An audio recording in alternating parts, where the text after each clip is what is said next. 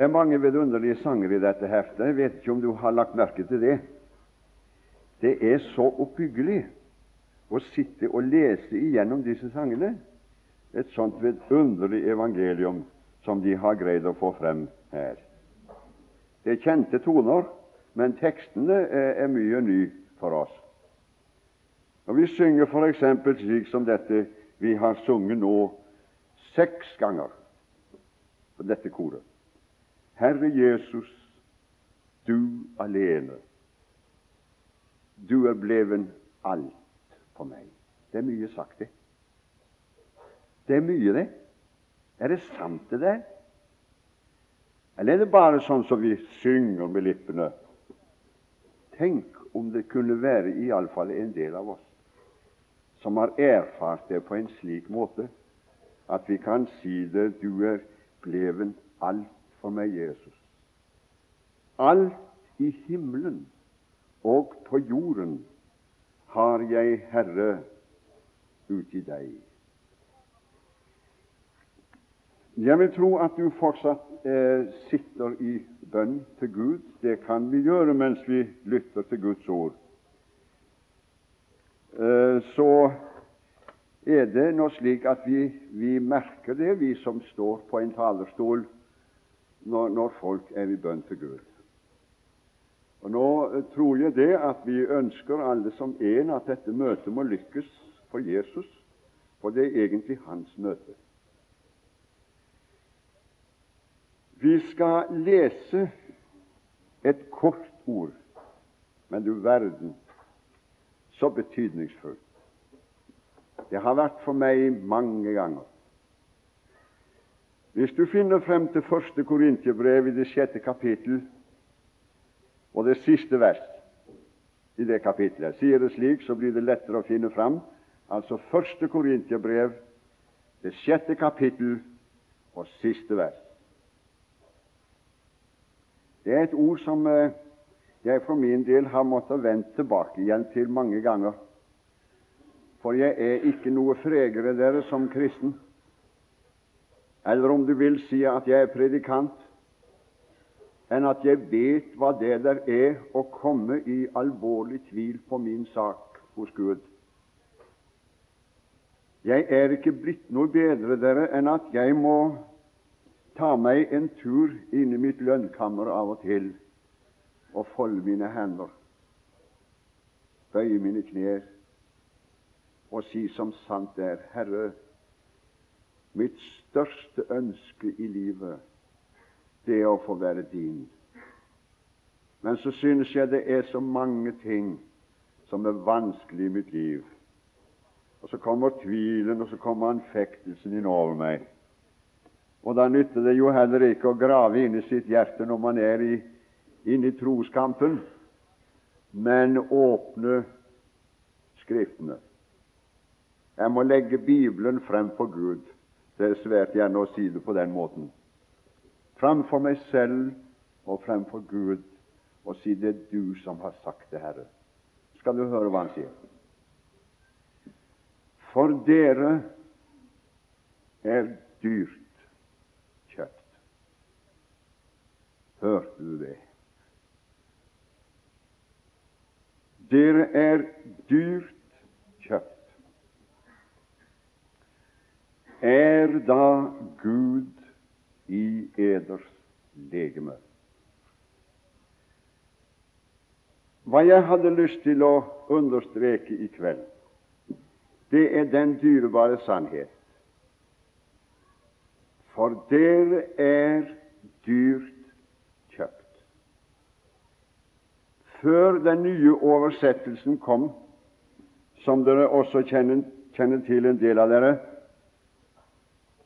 så hadde jeg sett i den danske bibelen Der har de tatt med litt mer som jeg syns var så fint.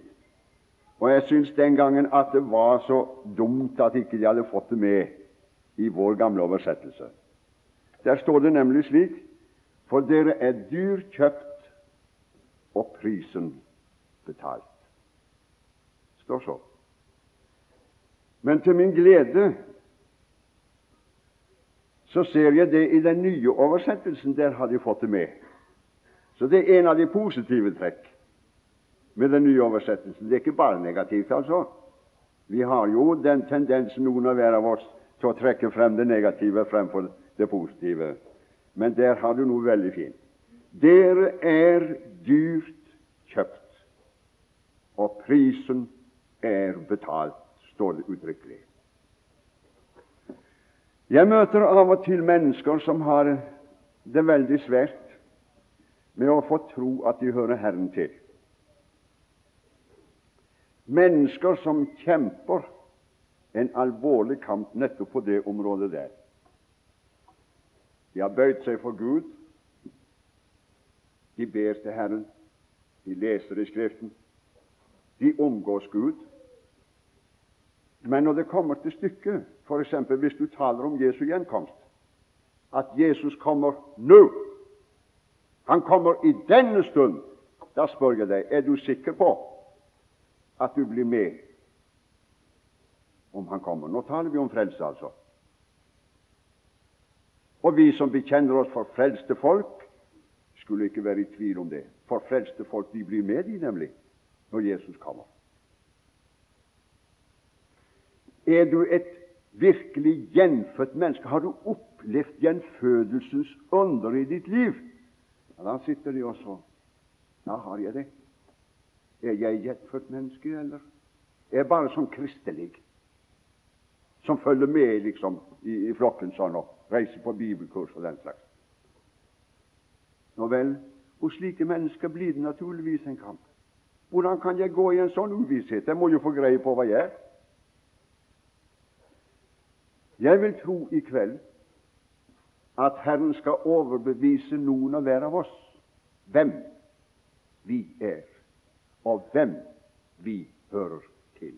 Jeg vil tro det til Den hellige ånd. Det er noen mennesker som ikke har peiling på det der som jeg snakker om nå. Det der med å kjempe med å tro at de hører Gud til, nei, det har, aldri, det har de aldri befattet seg med. Og Jeg har lyst til å nevne ganske kort to typer som ikke har peiling på det jeg taler om nå. Den ene typen det er de jeg vil si, de blankt ugudelige menneskene, som er like glad enten deres sjel havner i himmelen eller i helvete. Det er like knusende likegyldig for dem. Disse som har gitt seg synden og Satan i vold, og er som sagt like glad disse menneskene de har ikke hatt noe kamp i dag med å få tro at de hører Herren til. Tror du? Nei, hvorfor skulle de det? For de vet nemlig meget vel hvem de hører til. De vet nemlig meget vel at hvis jeg dør i denne stund, så går jeg fortapt, for jeg kan iallfall ikke regne meg på det å bli frelst. Det vet de. Derfor blir det ingen kamp i deres hjerte i så måte. Den andre typen jeg har lyst til å nevne, det er de religiøse menneskene. Disse som har slått seg til ro med sin hjemmelagede kristendom, som har alt klart for seg oppi hodet, rettroende, døde mennesker. Det er også fælt å si det på den måten der. Men man kan faktisk være rettroende og likevel dø åndelig. Får det til sånn noenlunde tålelig. Ikke stort verre enn andre folk. Hvorfor skulle ikke jeg være frelst like godt som naboen min er frelst? Eller han eller hun? De er da ikke bedre enn meg. Den typen har vi også. De har ingen kamp med å få tro at de hører Herren til. Jeg tenker på en som fariseeren i tempelet og det er noe av det uhyggeligste jeg synes er med den mannen der. Han står i tempelet og er 100% sikker på at han er frelst. Eller kan du finne ut noe annet? Når han står frem og sier 'Jeg takker deg, Gud, for at jeg ikke er som andre mennesker eller som den tolver'. Ikke er jeg som røvere, horkaler, urettferdige, jeg faster to ganger i uken og gir tiende av all min inntekt. Helt sikker i sin sak. Og det var ingen protest av forsamlingen i tempelet heller. Han var godtatt som en troende, den mannen der. Altså, det går an å komme inn i en slags selvfølgelighetskristendom, så det ikke finnes kamp lenger i troen, verken når du våkner om morgenen eller legger deg om kvelden. Det er blitt en selvfølge å være en kristen. Min venn, jeg vil inderlig håpe at det aldri noen gang skal bli en selvfølge. For meg har det blitt bare nåde. Og nåde, det er akkurat motsatt av selvfølge. Da blir det helt uforskyldt å være et Guds barn. Nei, disse som kjemper troskampen, det er de ærlige, det er de oppriktige. Jeg kan huske da jeg var liten guttunge Min far han, eh, han drev et slags uh, møbelverksted om vinteren. Nede i kjelleren, altså. Lagde stoler og bord og den slags. Og det var ofte når jeg kom som guttunge løpende og skulle inn der, så var gamle Sturen kommet der, så vi sa Jens Sture. Og de to var veldig gode kompiser, min far og han. Og de talte omtrent ikke annet enn om åndelige ting, de altså, når de var sammen. Og Bibelen den lå oppslått ned, jeg har nesten sagt nede i høvelskolen. Og så var de på kne når jeg kom inn. Ofte lå de på kne og ba til Gud når jeg kom. Og vet du hva det var? De kjempet i troen. Og der hvor de har en levende tro, der vil det også bli en kjempende tro i det uendelige så lenge vi lever her. Det er et så stort ånderfolk at vi hører Gud til, at det må, bør aldri komme inn i den gaten at dette er noe selvfølgelig å høre Gud til.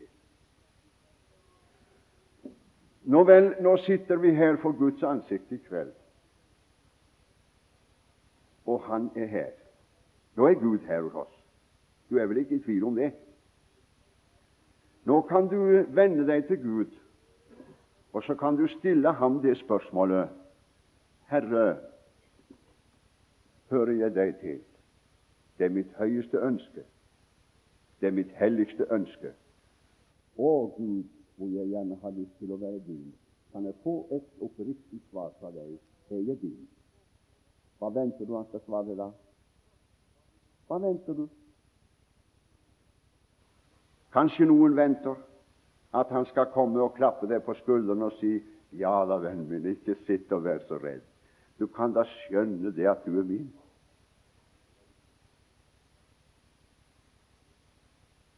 Du som ber så mye til Gud,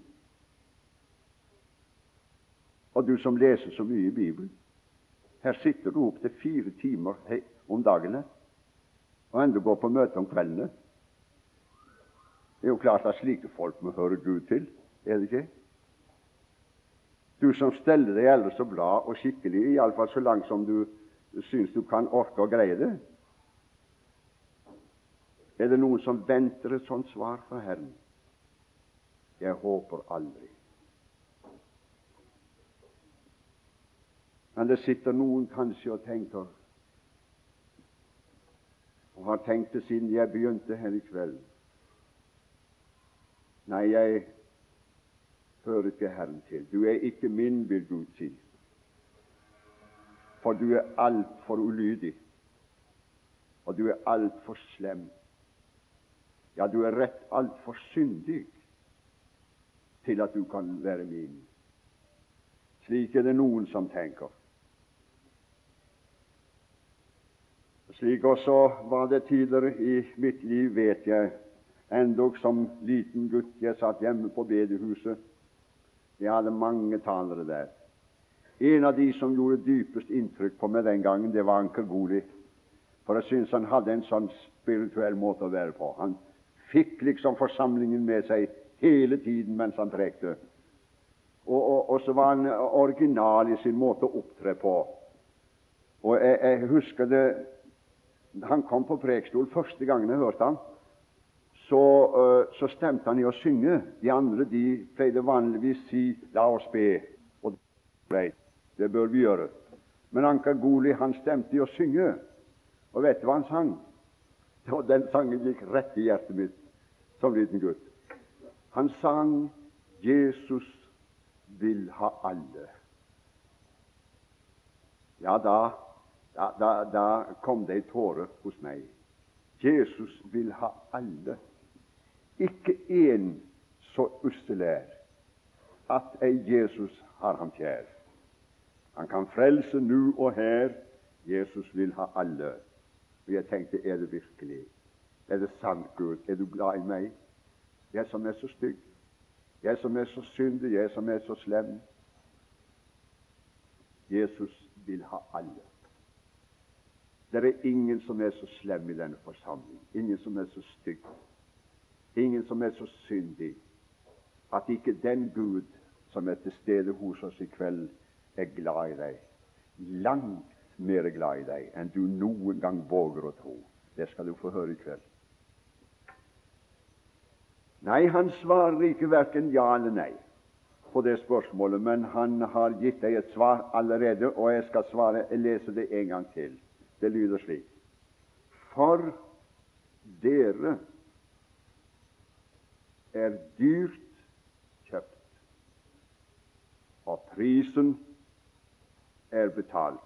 Hva var det vi spurte om? Vi spurte Herre, er jeg din? Og svaret kommer fra Gud. Du er ikke bare kjøpt, men du er dyrt kjøpt, og prisen er betalt. Det er noe personlig, dette her. Det er ikke til noen eh, bestemte typer mennesker, skjønner du. Enten du nå kaller deg en kristen i kveld eller ikke kristen, spiller ingen rolle. Dette er et ord til deg. Du, uansett om du var den største synder i verden, så skal jeg stå med Bibelen foran deg og lese herifra en hilsen fra Gud. Du er dyrt kjøpt, og prisen er betalt.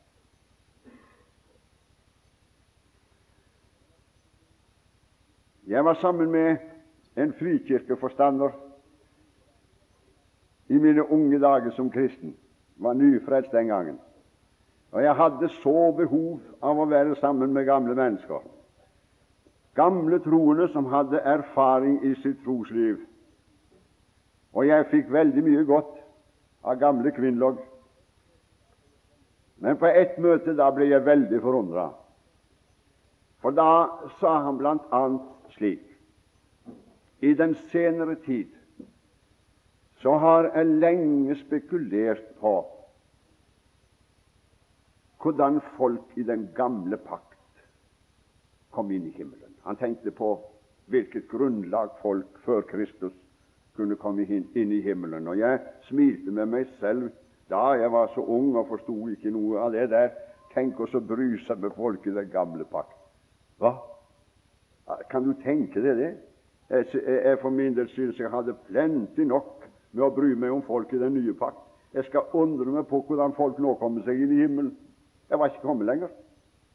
Men det naturligvis tenkte ikke Kvinnlog på, jeg for det var så opplagt for ham, og så soleklart på hvilket grunnlag folk kom til himmelen i dag.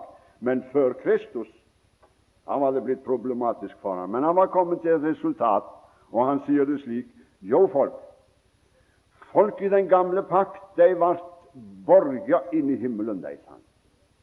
Å, gud a meg, tenkte jeg, det er mye rart gamle folk kan si på prekestolen. Forstår du hva han mente? Han mente ganske enkelt at folk var tatt inn i himmelen på borg.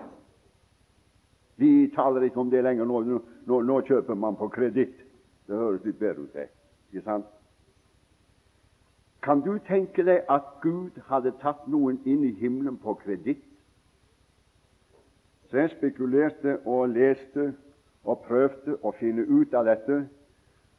Og jeg må ærlig tilstå jeg kan aldri finne ut noen ting annet at det der er det faktiske forholdet. Det var tider da Gud måtte ta mennesker inn i himmelen på kreditt. For det var ennå ikke noen som hadde lagt summen på bordet for deres synd.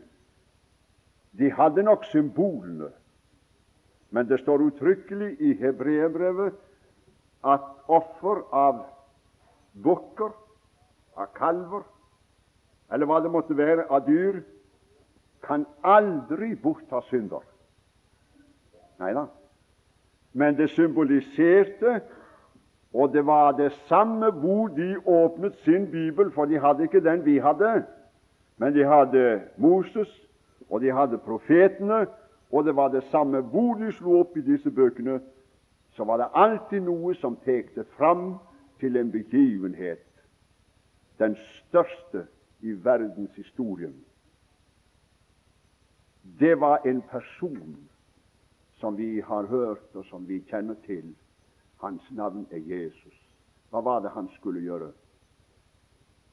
Han skulle kjøpe oss, ganske enkelt. Det var summen som Gud måtte betale det for at vi skulle være hans eiendom. Han skulle kjøpe oss, han. Ikke med sølv eller gull, men med noe helt annet.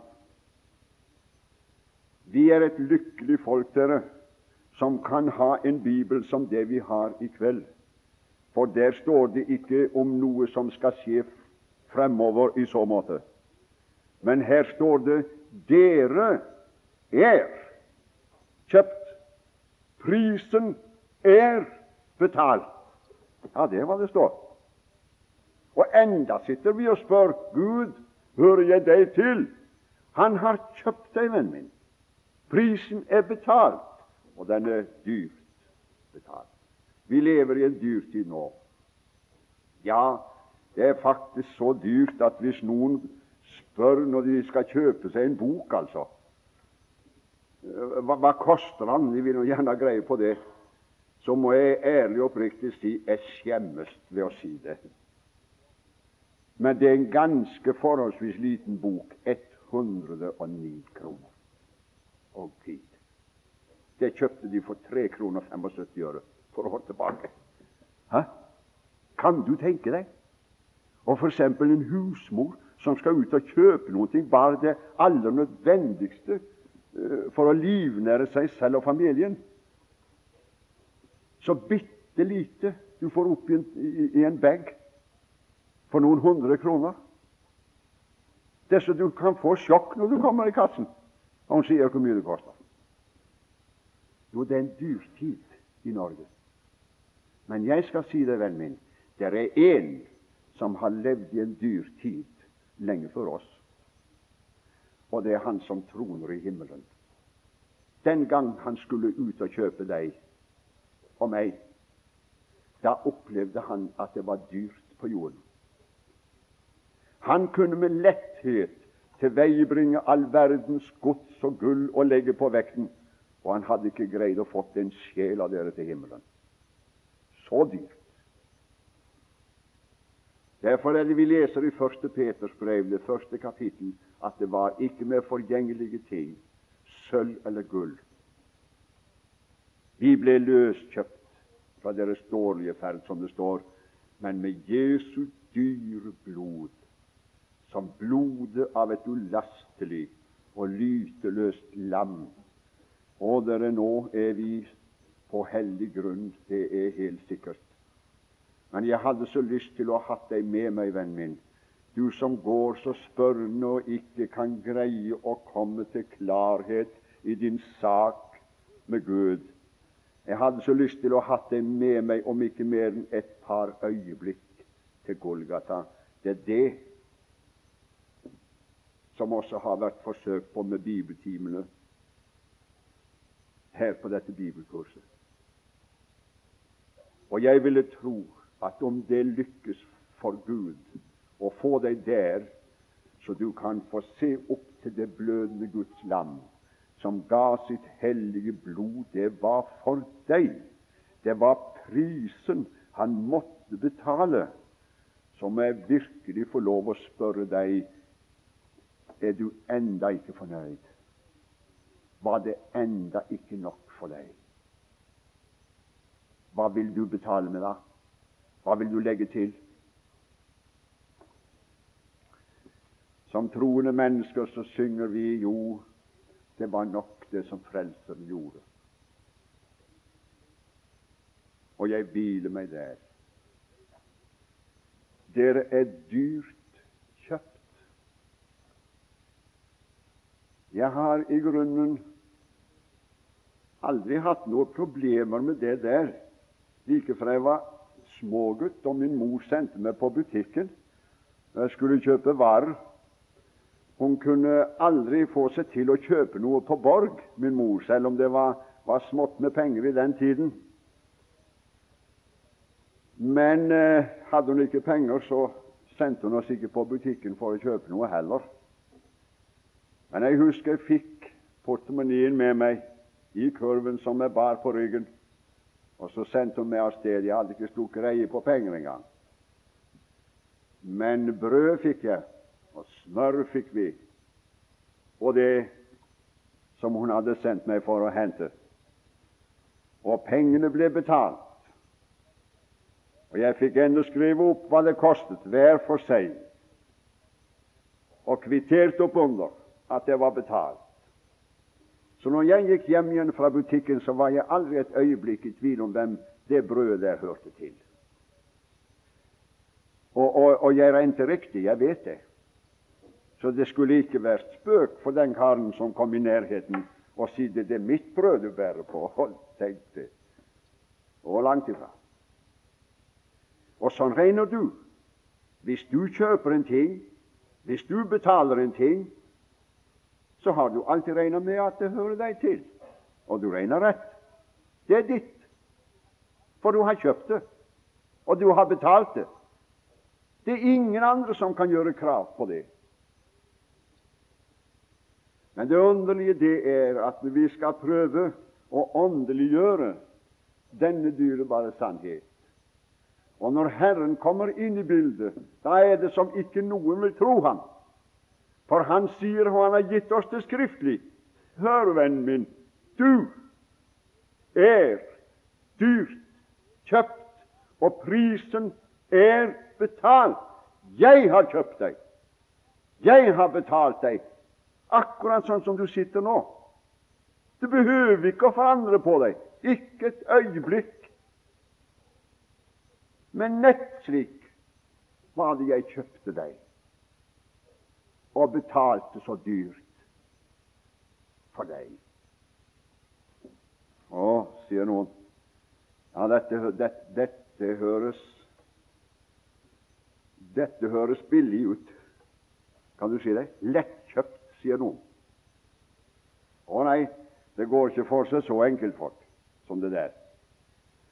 Vel, da, da, er det bare å si at da har du enda ikke hørt hva jeg står og presiserer ut med Skriften i hånd i kveld. Jeg står ikke her med noe som er lettkjøpt eller billig, men jeg siterer igjen i et dyrt, det er dyrt kjøpt. Det er ikke lettkjøpt. Ja, Du mener altså at jeg kan tro at jeg hører Gud til på grunn av det? Ja, hvem skulle du høre, Hva slags grunnlag skulle du ellers høre Gud til på? Jeg må bare spørre deg. Hva annet skulle det til for at du skulle høre Gud til? Ja, må jeg ikke bøye kne, sier noen. Hvor står det henne? Hva slags bibel er det du har? Det står ikke et sted i min bibel.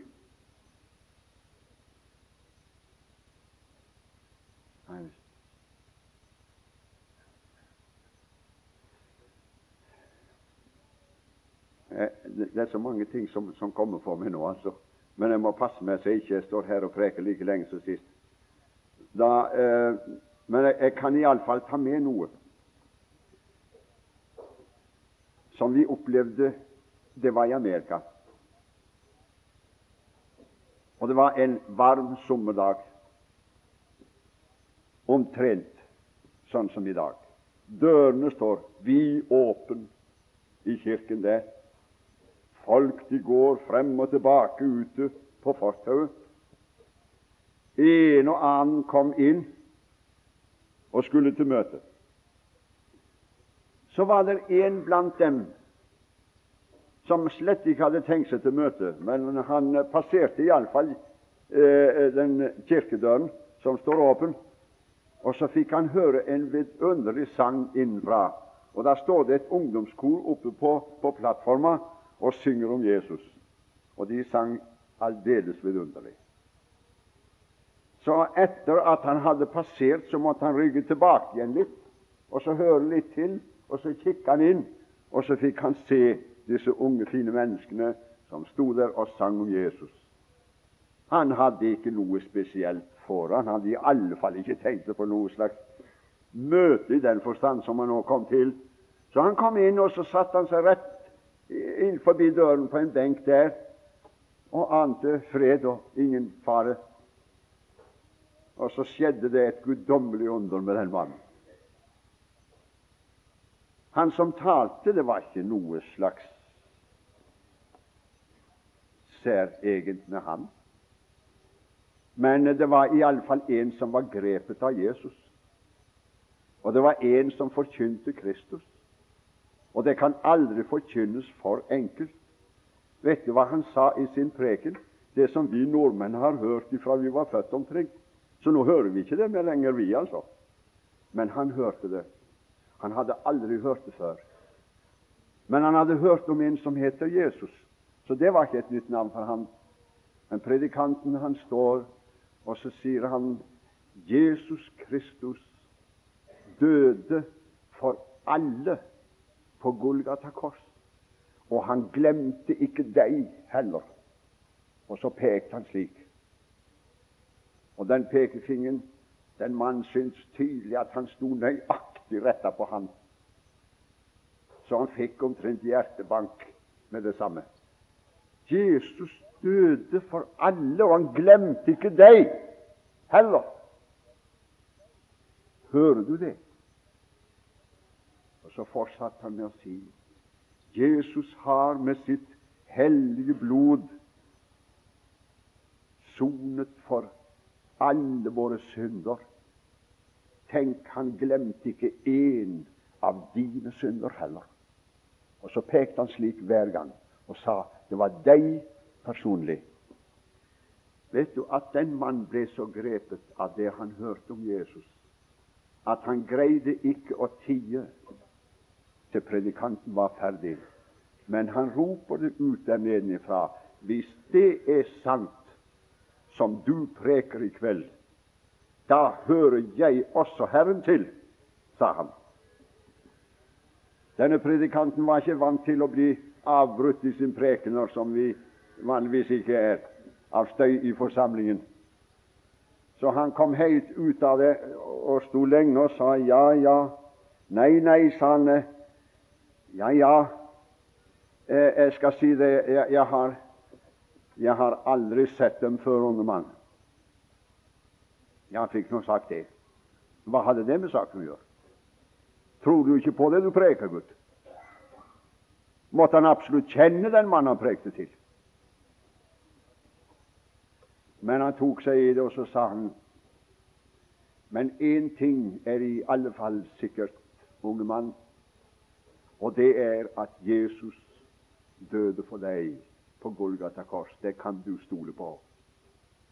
Og at han sonet for alle dine synder, det kan du stole på, unge mann. Det er den mannen der nede. Han ble herlig frelst den kvelden. Han bøyde ikke kne. Han ba ikke til Gud. Han gjorde bare én ting. Han hørte ordet og trodde det budskapet han hørte. Min venn, hvordan er det folk blir frelst?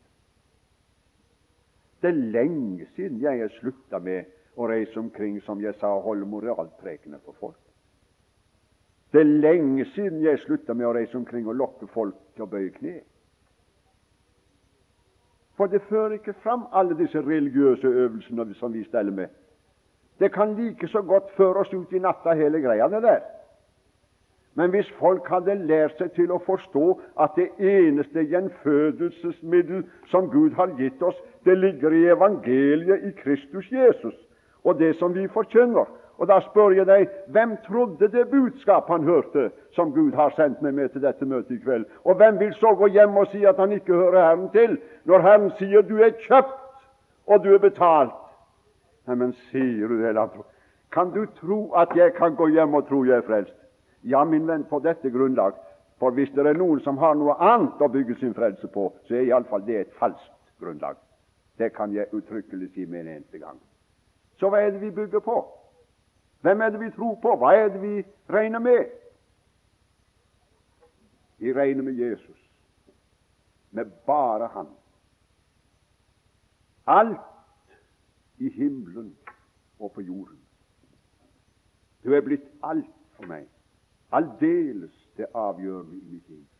Skjønner du hva dette betyr nå, vennen min?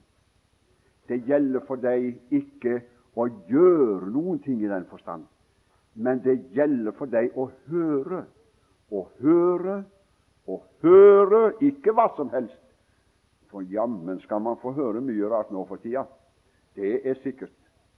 Og jeg syntes det var så talende uh, på en av timene til Hardang her. Jeg satt og, og, og fikk være til stede uh, når han også kom inn på dette hvor ofte vi hører tale om evangeliet. De taler om evangeliet. Det er ingen som frelses ved at vi står på prekestolen og taler om evangeliet. Utreder teologisk hva evangeliet er for noen ting. Nei da. For evangeliet, det må, det må forkynnes, ikke tales om, men bringes ut. For menneskene blir frelst, for det er en Guds kraft til frelse for hver den som tror i evangeliet. Men da må vi forkynne det.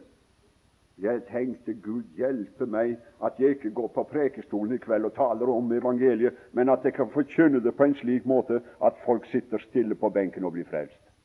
Og det har jeg da faktisk opplevd mange ganger. Og det, det, vil jeg gjerne ha sagt. Hvis det er noe jeg ønsker og ber til Gud om hva våre forkynnere angår, som er ute med ordet, og meg selv, Herre, gi meg et budskap så jeg kan bringe, så det sitter et menneske og blir frelst i kveld. Ved det de hører om Kristus Jesus. Vil du ta med deg dette ordet? For I er dyr kjøtt. Og prisen er betalt. Vi takker deg, Herre, vår Gud, for det som du prøver å legge inn på vårt hjerte i kveld. Og om det kunne lykkes, Gud, at Den hellige ånd fikk ta dette ordet og komme på innabords hos oss i vårt hjerte, så noen kan få gripe det i troen i kveld. Jesus døde jo for meg også. Han har sonet for mine synder. Og så tror vi oss frelst på det ord du har talt om din sønn.